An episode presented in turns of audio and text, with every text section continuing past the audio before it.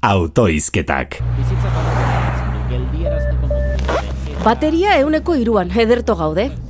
Iritsi da mugikorra aldatzeko ordua. Pena, lehengo astean, ez nintzela Mobile World Congressera joan.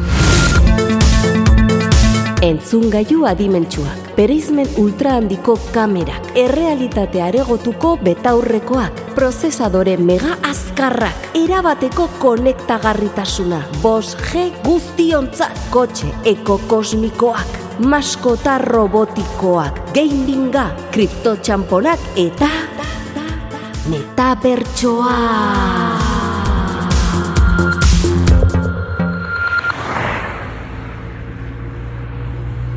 Hori bai dela evoluzioa, eta ez azken aldian munduan nagusi den involuzioa.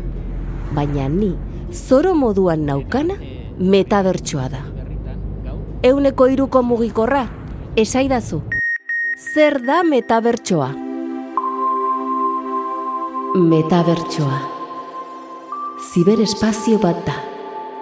Bertan, egoera errealak edo fikziozkoak birzortzen dira. Abatar baten bitartez. Esperientzia murgiltzaile eta multisentsorial berriak esperimentatu ditzagun.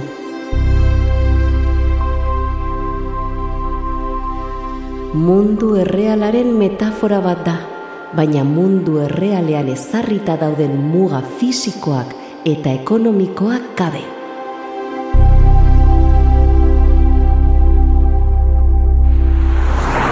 Ba berdin geratu naiz, antza mundu paralelo baten antzeko zerbaita. Eta bertara sartzeko beharrezkoa omen da errealitate virtualeko betaurrekoak janztea. Aizu, aizu, aizu, mundu errealeko mugak gabe. Horrek ez du itxura txarrik. Mundu erreala zeinen geldi eta involutibo dagoen ikusita, metabertsoan, evoluziorako tarte handiagoa dagoela esan nukenik.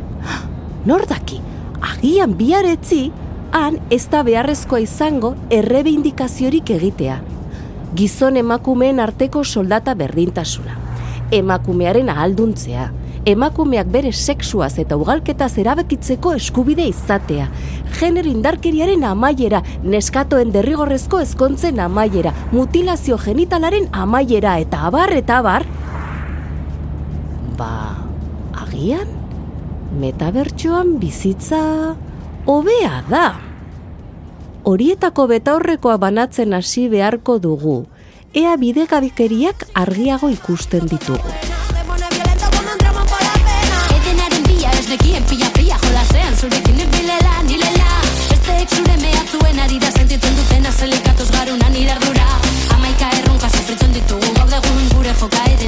Zelatatzen zurrun zorro turrun baino gertuago hor resulta lor, fuck you more amor